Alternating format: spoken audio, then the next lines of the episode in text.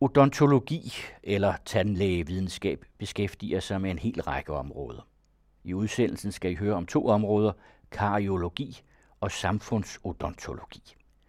To forskere fra Københavns Universitet fortæller i udsendelsen om nogle af de forhold, der afgør, om man får huller i tænderne, og de meget forskellige metoder, man kan bruge til at undersøge det. Mit navn er Kim Ekstrand. Jeg er lektor på det fagområde, der beskæftiger sig med kardiologi og endodonti. Endodonti er, hvordan man rodbehandler tænder. Jeg har været ansat her i snart 30 år. Først som phd studerende og så blev jeg adjunkt, og så er jeg blevet lektor. Og udover mine undervisningsmæssige forpligtelser og mine forskningsforpligtelser, så har jeg også en del administration, fordi jeg er leder for det, der hedder sektion 2, som består af, udover mine egne fagområder, af 4-5 andre fagområder. Kariologi, det er læren om karies, eller på dansk, læren om huller i tænderne, eller på latin, læren om rådenskab, og så er det læren om, hvordan vi forebygger og behandler sygdommen. Karies er øh, en øh, sygdom i tænderne. Det skyldes bakterier, der sætter sig på tænderne, at de udskiller noget syre, og den syre opløser tandens mineral. Og øh, vi er alle ramt af karies i mere eller mindre grad. Jeg tror ikke, der er rigtig mange, i hvert fald i Danmark, der ikke på et eller andet tidspunkt i deres tilværelse har fået boret i deres tænder og fået lagt en fyldning, der hvor der er blevet boret væk, således at tanden kan fungere til at tykke med igen. Mere detaljeret så har vi øh, rigtig, rigtig mange millionvis af bakterier i vores mundhule, og nogle af de bakterier, de har en anhæftning på deres overflade, som passer godt til tanden, og så hæfter de sig på tanden. Og hvis de hæfter sig der på tanden, hvor det er svært at børste, så kommer der ophobninger af bakterier, de formerer sig, der kommer nye bakterier til. Og når de bakterier forgærer sukker for den føde, som vi indtager, så producerer de syre, og den syre kan så opløse tandens mineral. Er det så en enkelt slags bakterie, eller er der flere forskellige slags bakterier? Det er et multiplum af bakterier. Det har man så fundet ind ud inden for de sidste øh, mange år, at det ikke er ligesom tuberkulose, at det er en enkelt bakterie, som, som forårsager, at der bliver sygdom i området. Her der er det øh, rigtig, rigtig mange forskellige bakterier, der kan producere den her syre. Og det, der sådan set sker, det er, at bakterierne de ophober sig, så dem, der så kan tåle, og dem, der kan lave syre, det er dem, der bliver flere og flere af, fordi syren slår andre bakterier ihjel. Så der bliver en slags graduering af bakterierne i en mere og mere sygdomsorienteret vej, således at mineraltabet fortsætter og eventuelt går lidt hurtigere, fordi bakterierne bliver stort set ensartet i det område, hvor de får lov at formere sig. Og de steder, hvor de får lov at ophobe sig, det er primært mellem tænderne. Det er på tykkefladerne, specielt på børn, og så er det langs tandkødet.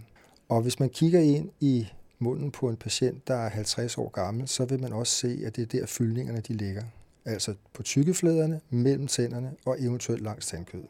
På børn og unge, der er det sådan, at det forskningsvis er tykkefladerne i de primære tænder og mellem tænderne øh, i de primære tænder, i, altså i mælketænderne. Og så den næste tand, som er rigtig hårdt ramt, eller bliver rigtig hårdt ramt, det er seksårstanden, og der er det primært på tykkefladerne. På voksne går det så mere og mere over i de blivende tænder til at blive et problem mellem tænderne. Og når man så bliver ældre, så sker der gerne det, at på grund af, at man børster lidt forkert, eller man tykker lidt forkert, at tandkødet trækker sig tilbage, og så bliver roden blottet. Og når roden bliver blottet, så kan der komme ansamlinger af bakterier på de områder, og så kommer der karies på roden også. Så vi har forskellige typer af karies. Den ene type hedder kronekaries. Det er primært på børn og unge.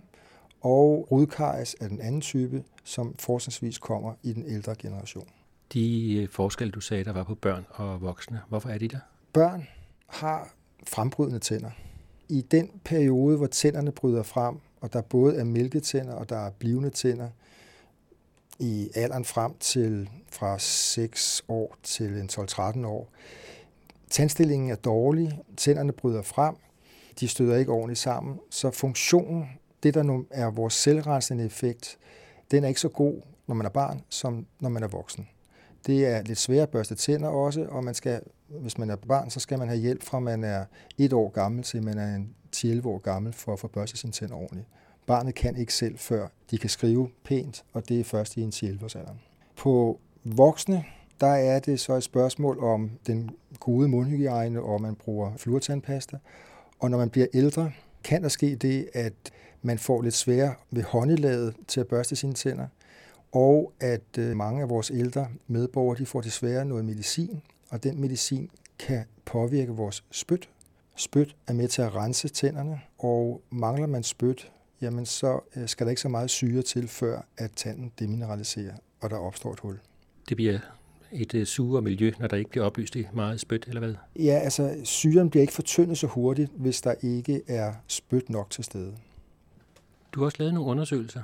Ja, jeg har lavet en del undersøgelser, hvor jeg lige de sidste år har fokuseret på vores ældre medborgere. Blandt andet fordi det er der, der stadigvæk er et rimelig stort kajsproblem. En af de undersøgelser, vi har lavet, der har vi udvalgt tre grupper. Og den ene gruppe, der fik vi en tandplejer til at komme en gang om måneden og rense gruppens tænder. Og den anden gruppe, de børste så med det, vi kalder en stærk fluortandpasta, og den tredje gruppe børstede så med en almindelig fluortandpasta. Når vi snakker stærk fluortandpasta, så bruger vi et mål, der hedder 5.000 ppm. Og når vi snakker normal fluortandpasta, så snakker vi om 1450 ppm. Så der er næsten tre gange så meget fluor i den stærke fluortandpasta, som der er i den traditionelle. Kunne du ikke lige prøve at forklare, hvad det er, fluor laver? Fluor det øh, begrænser mineraltabet, når der kommer syre på tanden. Det stopper det ikke, men det begrænser det væsentligt. Så det vil så sige, at hvis man gentagende gange om dagen og gentagende gange ugen og året igennem har syrefald, jamen så vil det tage længere tid, når man har fluor i sine omgivelser, for at der kommer et større hul i tanden, end hvis man ikke har fluor i sit spyt. Og den her undersøgelse viste så, at dem, der børstede med almindelig fluortandpasta, de havde efter 8 måneder meget mere karies på roden, end dem, der børstede med 5.000 ppm tandpasta, og end dem, der fik en tandpleje til at komme en gang om måneden. Men det interessante var her, at der var ikke forskel på forekomsten af rodkaries på tandplejens indsats og dem, der børstede med 5.000 ppm tandpasta. Så derfor foreslår vi i dag at bruge 5.000 ppm tandpasta, hvis ældre patienter har problemer med deres spyt eller har problemer med at kunne børste tænder, således at de undgår at få så mange huller i tænderne. Hvorfor tager I så ikke bare og siger, at det skal være det generelle i alt tandpasta? For det første så er den stærke fluortandpasta, den er på recept. Den er betragtet som et medicinsk produkt. Det i sig selv gør, at man skal håndtere det på en bestemt måde. Man skal ikke lade en tube 5.000 ppm tandpasta ligge, og der er små børn, der spiser af den. Det kan de små børn få vældig meget ondt i maven af. Eventuelt kan det være gå rigtig galt. Den anden ting, det er, at det er dyre end almindelig tandpasta. Og det tredje, det er, at det skal kun bruges som andre medicinske produkter, når der er brug for det. Og det er der på en del af vores ældre medborgere, som som sagt, øh, hvis de bruger medicin, og de får et formindsket spytflow, så vil det være rigtig smart og rigtig godt af dem, at deres tante introducerede dem til det her produkt. Hvordan er det egentlig med ældre og tandlægebesøg? Kommer man til tandlæge, hvis man er ældre i dagens Danmark? Det gør man faktisk. Der har været lavet en del undersøgelser over ældres gang til deres tandlæger, og øhm, de holder ved. Det er klart, at når man kommer på plejehjem, så er forløbet noget andet. Men der har vi et vældig godt system i Danmark, at, som hedder omsorgstandpleje, hvor de enkelte plejehjem, der kommer tandlæger og tandplejer ud på de enkelte plejehjem og foretager undersøgelser og behandling af de ældres tænder. Problemet er nogle gange, at de ældre ikke er så glade for det, men, men det er så noget andet. Vi har faktisk et system, det kan blive bedre, men stille og roligt kommer det til at fungere bedre og bedre. Er der andre undersøgelser, som du kunne fortælle om? Jeg har fokuseret på de ældre, fordi der er stadigvæk et karisproblem. Og så har jeg så fokuseret på de små børn, når de har deres mælketænder, fordi det er et andet problem, vi har i Danmark, at vi har for mange børn med for mange huller, eller for meget karies i mælketænderne. Vi har faktisk lavet nogle undersøgelser på Grønland, hvor det er rigtig slemt med øh, karies i mælketænderne.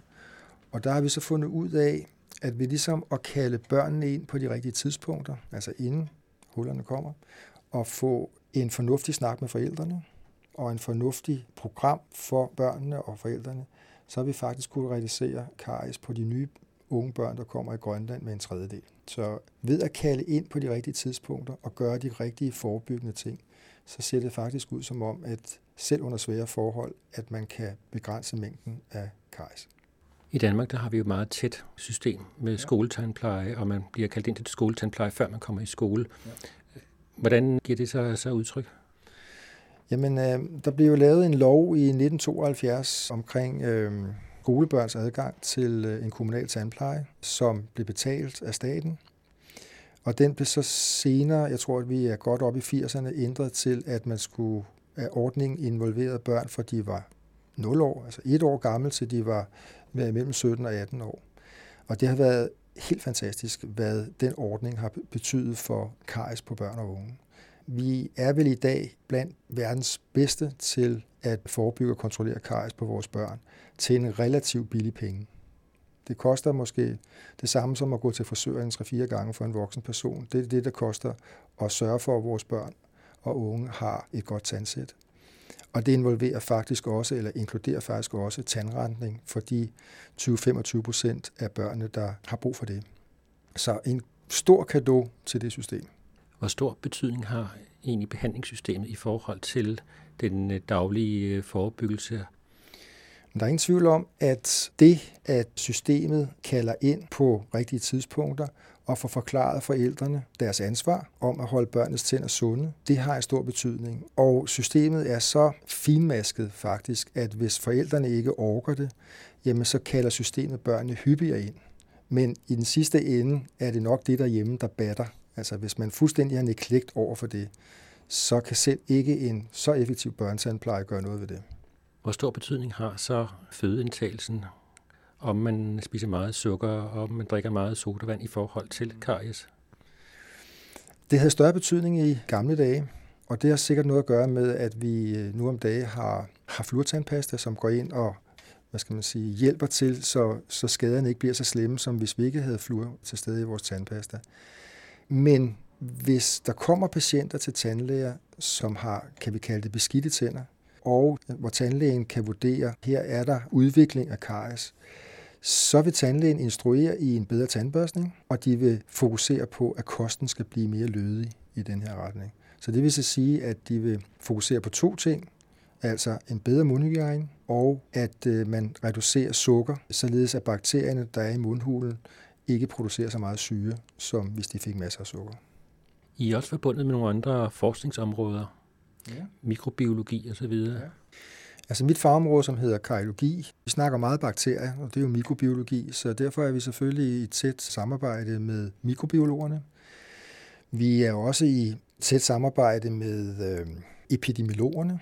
Vi er også lidt selv epidemiologer. Vi vil meget gerne se, hvordan karisforekomsten er på femårige og 7-årige og 12-årige og 15-årige, så vi kan følge det over år. Så vi er meget epidemiologiske interesserede. Hvad er det for nogle spørgsmål, som øh, venter på at blive besvaret inden for kariesforskningen? Vi ved rigtig, rigtig meget om sygdommen. Vi ved, øh, hvad årsagen er. Vi ved, hvordan det udvikler sig. Vi ved, hvordan, hvilke tænder, der er specielt skrøbelige, eller dem, der får flest huller. Og det, vi sådan set kigger på, det er, om vi har nogle smartere behandlingsmetoder på nuværende tidspunkt. Og langt hen ad vejen ser det ud som om, at man kan lakere sig ud af et problem, inden det bliver til en fyldning. Således at man kan lægge noget slidstærk lak på tykkefladerne, inden karies udvikler sig for meget. Og det ser også ud som om, hvis man er lidt smart, at man også skal gøre det mellem tænderne. Og det forsker vi rigtig meget i for at se, om vi kan undgå at bore i tænderne ved ligesom at lægge noget lak på i stedet for, som gør sådan, at syren ikke kan komme ind i tanden sådan en forskning, hvordan foregår den rent praktisk? Du stiller dig et spørgsmål, kan det lade sig gøre? Hvad, hvad gør du så? For eksempel for en 5-8 år siden, der fandt jeg ud af, at man har introduceret det her 5.000 ppm tandpasta, som med min viden tænkte, okay, altså vi ved, at 1450 ppm fluorid tandpasta virker. Kunne det så være sådan, at 5.000 ppm fluorid tandpasta virker endnu bedre? Og så stiller man sig nogle forskningsspørgsmål, og så prøver man så at finde ud af, kan man egentlig undersøge det her på en lødig måde. kan man gøre det på en etisk måde, og øh, så laver man sig en, en forskningsprotokol, og den protokol sender man ind til etisk komité. Etisk komité, de har mange, mange, mange kommentarer til sådan noget, men langt om længe bliver sådan en protokol færdig, og så øh, sørger man for at søge om støtte, økonomisk støtte. Det kunne eksempelvis være for nogle af de store tandpastafirmaer. Og så finder man nogle grupper, som gerne vil være med i projektet, og dem randomiserer man, som det hedder med fint, altså at de har lige stor chance for eksempelvis at komme i de tre grupper, som jeg omtalte før. Og så øh, får de så en behandling. Det kan være den 5.000 ppm tandpasta, det kan være kun 1450 ppm tandpasta, flodtandpasta. Og så efter 8 måneder, så gør man så op, jamen, hvor meget karies har den ene gruppe så i forhold til den anden gruppe. Og alt sådan noget her skal foregå blindt, at man ikke øh, tror på, at den her gruppe har fået 5.000 ppm tandpasta, og man så registrerer dem anderledes end dem, der er der får 450 ppm. Så det er håndværket i selve forskningen, at man skal holde sig inden for nogle regler, således at man ikke tillægger effekt, hvor der ikke er effekt. Så det vil sige, at hverken patienterne eller dem, som skal undersøge patienterne, de ved, at, hvilken tandpasta det er? Det er det optimale. Det er ikke altid, man kan gøre det, men det vil være det helt optimale at gøre det på den måde. Det, man kalder dobbelt blindt. Tandlægerne ved det ikke, og patienterne ved det ikke. Hvad er det for nogle etiske overvejelser, der kunne være? En etisk overvejelse, det er øh, eksempelvis om, hvem skal være med i et projekt? Kan man øh, have alle med, eller skal dem, der har andre former for sygdomme, skal de være med? Fordi hvis de har andre former for sygdom, kan det så påvirke det, hvad skal man sige, det man gerne vil undersøge. Det er en etisk område. Det andet etiske område, det er, om der er for mange med eller for få med øh, i et projekt. Og der skal man statistisk regne ud, hvor mange man skal bruge i hver af grupperne. Og der er andre etiske øh, forhold. Kan man bede patienter om at børste fem gange med en stærk fluortandpasta, eller kan man sige, at det maksimale, man må børste, det er i hvert fald tre gange om dagen, og så videre, og så videre. Der er mange etiske forhold, man skal tage ind. Og jeg må sige, at samarbejdet med etisk komité, i hvert fald her i København, for mig har været super godt. De er faktisk en meget stor hjælp. Det er de faktisk. Når I er færdige, så skal der beregnes helt masse. Mm. Det har I også noget hjælp til? Ja, vi øh, samarbejder med øh, Statistisk Enhed på Københavns Universitet, hvis vi ikke selv kan finde ud af det. Nogle af de projekter, vi laver, de er meget simple, hvor det er bare et gennemsnit, man skal regne ud i en gruppe i forhold til en anden gruppe, i forhold til en tredje gruppe. Så kan vi selv lave de statistiske beregninger. Andre gange er det rimelig kompliceret. Der skal man stå tidligt op nogle gange for at forstå de her statistikker. Men øh, det kører også fint. Når jeg lavede undersøgelsen, så er der også noget publicering. Ja, så øh, sender vi dem ind til et internationalt tidsskrift, som overvejer og bedømmer, om det, man nu har skrevet, er godt nok til at blive publiceret.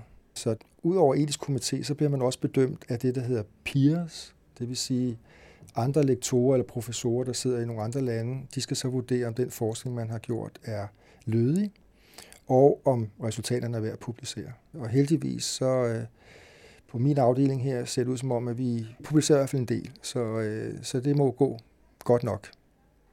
Når man skal overveje om noget lydigt, er der så også etiske overvejelser i det? Ja. Altså i de fleste tidsskrifter, hvor vi publicerer, der skal man jo dels skrive, at man har haft, at etisk komité har været inde over.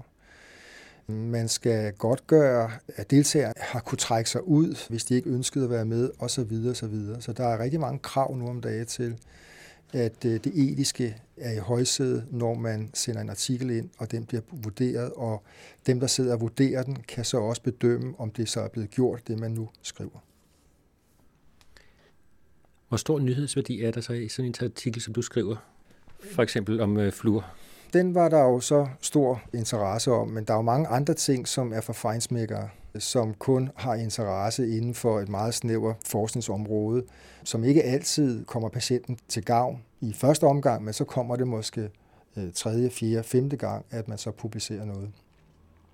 Men der er jo mange ting, om en lak er bedre end en anden lak, og øh, der, der kan jo gå mange artikler før, at det så bliver brugt ude i marken, at man vælger den lak, man nu har fundet, var den bedste af dem alle sammen. Så det kan være en lang, sej proces, før at noget bliver til virkelighed. Er det det, som med din forskning den koncentrerer sig mod det mål, at det skal blive til en patientbehandling?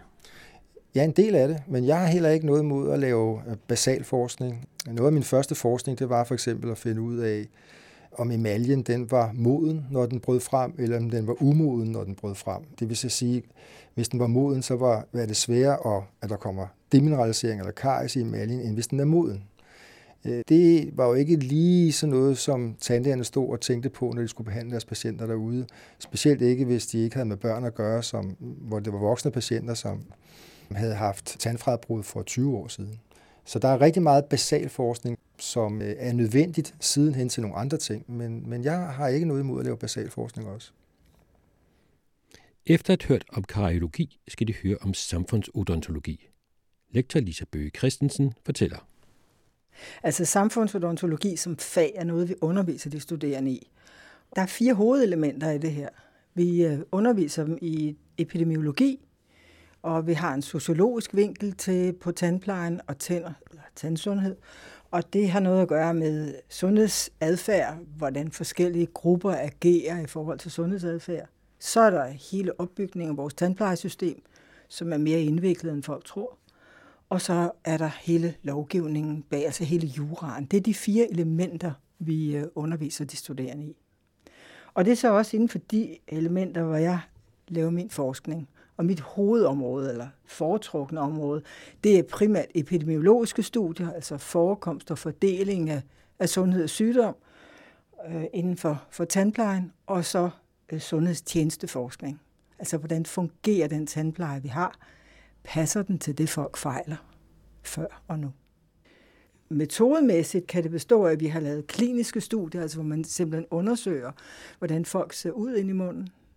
Og man kan lave spørgeundersøgelser, hvor man kan spørge til, hvordan de selv opfatter deres tandsundhed, eller hvordan deres holdning er, hvad deres viden om tandsundhed og tænder er, og deres sundhedsadfærd. Og tandsundhedsadfærd, det kan være flere ting. Det er, går man regelmæssigt til tandlæge? Eller hvordan er ens mundhygiejneadfærd? mundhygiejne adfærd? Hvor meget ved man om det, og hvad gør man ud af det? Så er der registerforskningen. Altså de registre, vi har tilgængeligt, hvor vi ved noget om tandsundheden. Og der er flere forskellige ting. Vi har skorregisteret. Skor, det er sådan et underligt ord, men det betyder Sundhedsstyrelsens centrale odontologiske register. Og der har vi data fra børn og unge helt tilbage fra 70'erne. Hver eneste år har man i alle de år indberettet alle de børn, der er blevet undersøgt og behandlet, så man har tandsygdomsdata, og man har behandlingsdata på børn helt tilbage. Det er helt enestående datamateriale. På voksne har vi behandlingsdata, altså den sygesikringsdelen af det, kan man sige, den tilskudsberettede del af behandlingen. Den øh, bliver registreret, og den kan vi kigge på. Og siden år 2000 har man så også registreret sygdom på voksne. Alle voksne, som henvender sig til tandlægen for at få undersøgelser, tandrensning og sådan noget, de bliver registreret med hensyn til, hvor mange tænder de har i munden, hvor mange tænder de har med huller, og hvor mange tænder de har med fyldninger eller restaureringer. Så det er de registre, vi har at arbejde med. Og det, man så typisk gør i det her, det er, at man sammenkører sådan nogle øh, oplysninger med oplysninger, man kan få fra Danmarks Statistik. Og det kunne for eksempel være folks økonomi, folks øh, uddannelsesniveau. Ja, så kan man også øh, ud fra spørgeskemaer, kan man vide noget om folks livsstil og deres sundhedsadfærd. Så kan man så ligesom kombinere det og se, om der er nogen sammenhæng. Hvad er det, der er for nogle oplysninger i skorregistret?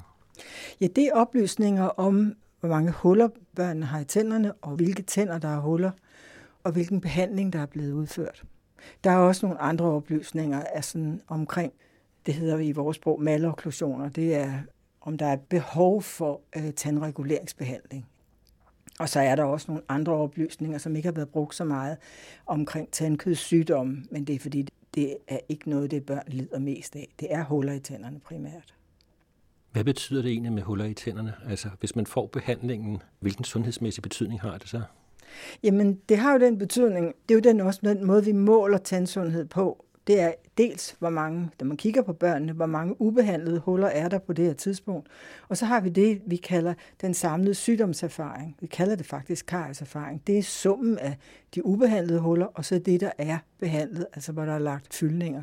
Og det kan man jo sige, det er jo ganske udmærket, at der bliver lavet fyldninger. Det er bare det, fyldninger, de var aldrig evigt. Og nu om dagen er det jo meget ofte plastfyldninger, folk har i tænderne. Det er ikke nogen rigtig lang levetid, så det betyder på et eller andet tidspunkt, så er der noget, der skal laves igen. Og man ved også, at de børn, der har haft huller en gang, de er i risiko for at få flere huller. Så det har en vis betydning. Har det så også en betydning på længere sigt? Nu får børnene jo gratis behandling, men har det så en betydning for, om de voksne så også får huller i tænderne? Ja, helt sikkert. Altså, da man indførte den kommunale tandpleje, det gjorde man i 1972, det er rigtig længe siden, der lavede man et system, hvor alle børn, i dag er det fra 0 til 18 år, har gratis tandplejetilbud for undersøgelser, behandling og forebyggelse. Og det har man kunne se over tid, at det har en vis afsmittende effekt. Altså man kan se nu, de generationer, der er vokset op i den her tid, de har også stadigvæk bedre og bedre tandsundhed, så det har en afsmittende effekt og har haft det. Men vi har jo kunne følge den helt store reduktion i, i tandsygdommen, den foregik i 80'erne. Men det er stadigvæk sådan, der bliver flere og flere børn, der ikke fejler noget som helst. År for år. Det kan vi måle. Du har også lavet noget forskning, eller sammen med nogle andre har du lavet noget forskning om uh, specielt forholdene i København. Ja, det er rigtigt. Det er jo et af vores opgaver, det er, at vi laver det, der hedder evalueringer. Evalueringer af tandplejeprogrammer. Det kan være omsorgstandpleje, og i det her tilfælde, der er det altså den kommunale tandpleje i København, der på et tidspunkt bad os om 7-8 år tilbage, om vi ville kigge på, hvordan de 5, 7, 12 og 15-årige børn så ud, om der var nogen sammenhæng dengang, var de specifikt interesseret i, hvad det var for nogle børn, som har hullerne i tænderne. Om man kunne lave sammenhæng mellem familiens indkomstforhold og uddannelsesniveauet hos forældrene, og om deres kulturelle baggrund. Fordi man havde en klar fornemmelse af, at børn med det, vi kalder anden etnisk baggrund, det er dem, der har flest huller i tænderne, eller det er dem, der har størst sandsynlighed for at få huller i tænderne, lad mig sige det sådan. Det kiggede vi så på, og øh, skrev en rapport, og fik også skrevet en artikel, vi fik publiceret internationalt, hvor vi viste, at der var rigtig klare forskelle. Det er ikke bare lidt mere, det er voldsomme forskelle, der er på børn med dansk baggrund og med anden etnisk baggrund. Men også børn af familier, hvor indkomsten er lav, og hvor morens uddannelsesniveau er lavt.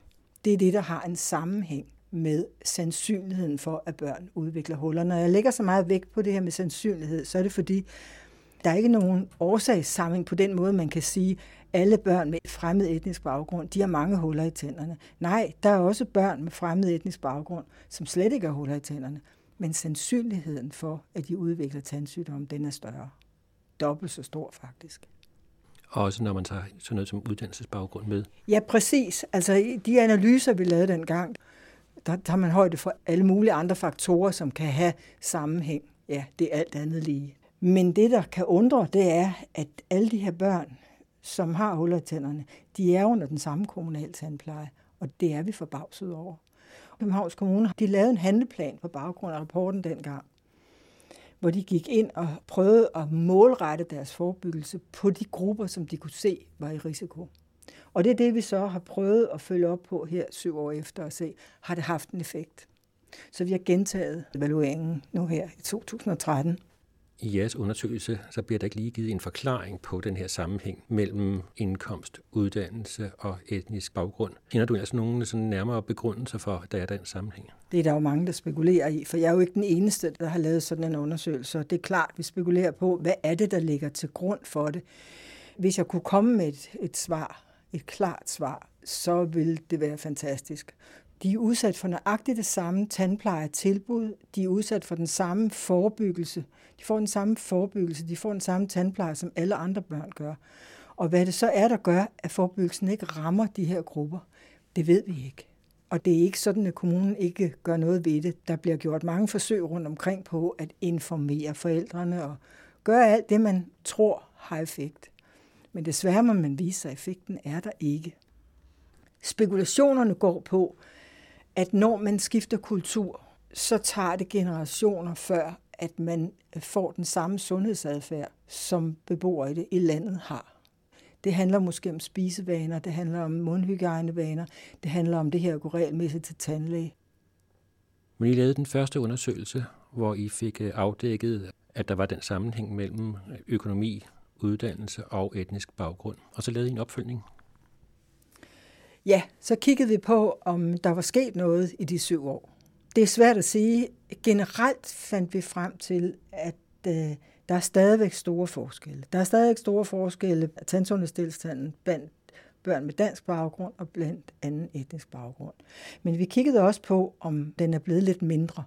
Og der er en lille tendens til, synes vi, at forskellen er blevet mindre. Den er lille, men den er der.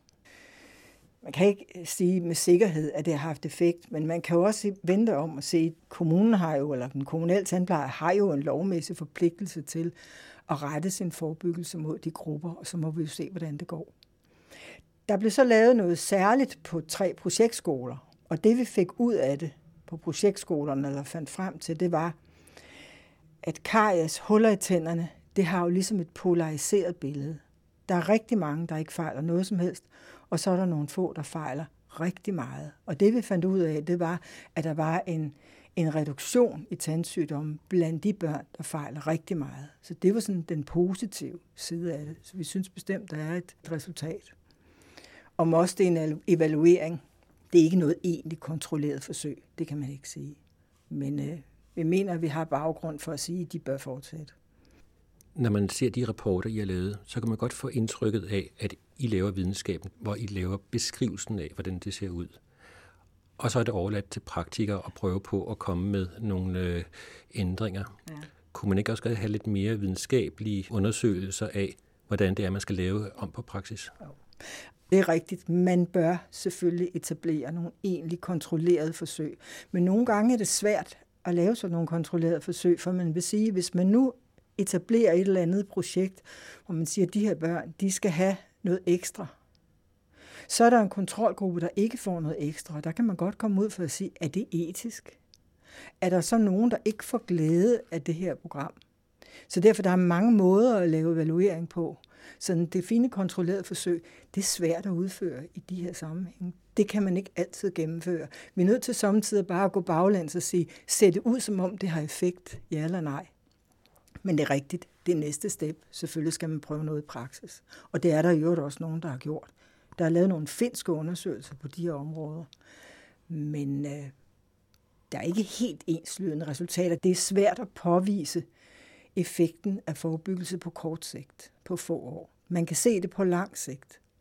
Men til det kan jeg også sige, nu evaluerer vi jo og ser, hvad der er sket i løbet af måske en 25-30-årig periode med børnene i Danmark. Og vi har det med at tilskrive de gode resultater til, at vi har haft den her kommunale tandpleje. Det er bare det, at i Frankrig og i England, der har man nøjagtigt den samme reduktion i tandsygdomme blandt børn. Og de har ikke nogen kommunal tandpleje. Jeg kunne godt tænke mig til at vide, hvordan man egentlig laver sådan nogle registerundersøgelser i praksis. Ja. Hvad har I af data, og hvad kan I gøre ved dem? Ja, i praksis så kan man jo få udleveret de her data. Indtil nu har det været sådan, at det er IBM, der har, om jeg så må sige, opbevaret data. Det er der, man får det fra. Og øh, så kommer det næste step, når man får dem udleveret, så skal man konvertere dem i et eller andet læsbart format. Det, øh, og man skal også have tilladelse. Det er ikke sådan noget, man bare lige gør. Man skal have tilladelse både fra datatilsynet og, og også øh, nu om dagen er det Serum Instituttet, der administrerer det. Og øh, så kommer det næste step, der at man får udleveret de her data. Så vil man gerne kombinere dem med de data, vi har i Danmarks Statistik for eksempel, hvor man har adgang til forskellige oplysninger om folk. Og det, der så sker, det er, man kan det lade sig gøre og kombinere, fordi vi har vores CPR-nummersystem, som er nøglevariablen. Men den bliver så krypteret, så der er ikke noget, der er personhenført overhovedet. Det er anonymiseret form, alt hvad der foregår.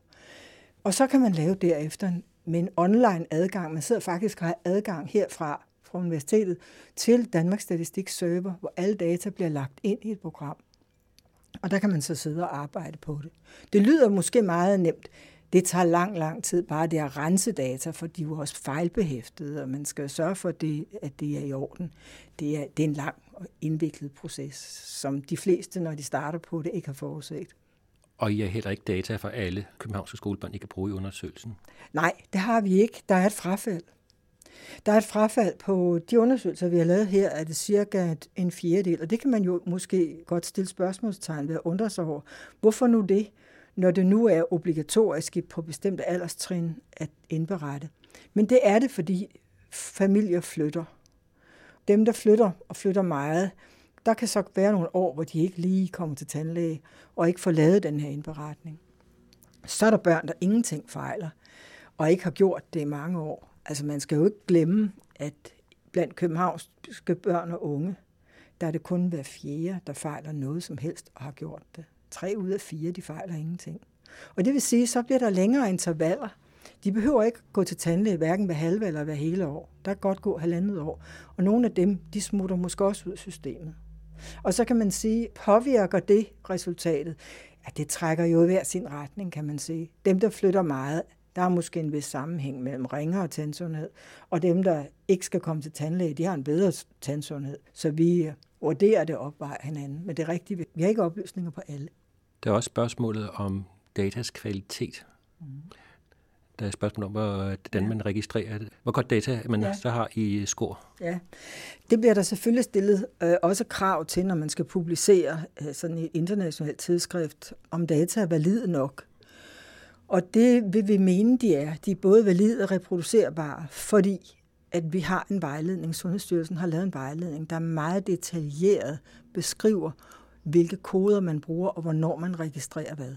Og det er klart, at inden for København for eksempel, der er det sådan, at tandlægerne de bliver kalibreret en gang imellem. Altså man diskuterer simpelthen tandlægerne imellem, for ligesom hele tiden at opdatere, hvordan registrerer man de forskellige tilstande. Men vi betragter datakvaliteten som, og validiteten som rimelig høj. Ja. Og de forskellige tilstande, det er for eksempel? Ja, det vi typisk registrerer, det er karies på det niveau, hvor der er det, vi kalder en kavitet. Altså noget, hvor der skal gribes ind med en boremaskine, lad mig sige det sådan. Nu om dagen er det sådan, at man også er begyndt at registrere karies, inden man kommer til den proces, hvor man griber ind med en boremaskine. Altså hvor man kan klare det med nogle forebyggende tiltag. Men det er så en anden historie, fordi det er mere kompliceret at registrere på den måde. Det vi registrerer i de her undersøgelser, det er, når karies har et niveau, hvor det er klart, det skal repareres. Så hvis man ser på nogle mere langvarige forhold, så kan der også godt være nogle forskel i, hvad data egentlig betyder. Man tidligere ville skulle bruge mere, end man skal i dag. Ja, det er jo så til diskussion netop, hvis, hvis du går tilbage i tid. Man siger, at vi ligesom har skiftet paradigme for, hvornår vi griber ind med en boremaskine. Det er jo lidt svært at tage højde for. Blandt andet fordi, altså, da jeg var, var barn og ung, der var det sådan, at alle børn havde huller i tænderne alle.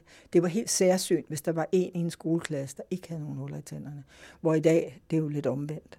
Og da jeg selv startede som tandlæge, der arbejdede jeg med småbørn, kan jeg huske, og vi var ude i børnehaver, og alle børn havde huller i tænderne. Ikke? Det er de to, der ikke skulle med op, det var et særsyn.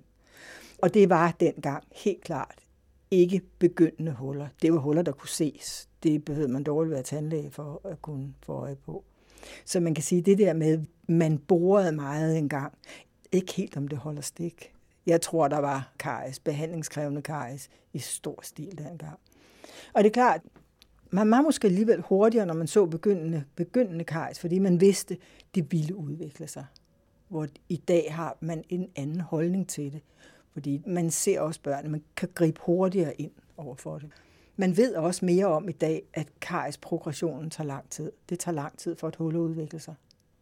Så derfor kan man gribe ind på et andet tidspunkt. Nu har I lavet de her to undersøgelser. Hvad er så det næste skridt? I København ved jeg det ikke. Vi håber jo ligesom at få publiceret det her, om at man kan generalisere noget til andre af landets kommuner. Og så måske der er andre øh, steder i landet, hvor man vil lave nogle forsøg, der måske har en metode, der gør, at vi får et egentlig kontrolleret forsøg. Det kunne jo være interessant. Udsendelsen om odontologi var en udsendelse i serien Forskning og Videnskab, som tilrettelægges af Henrik Moral.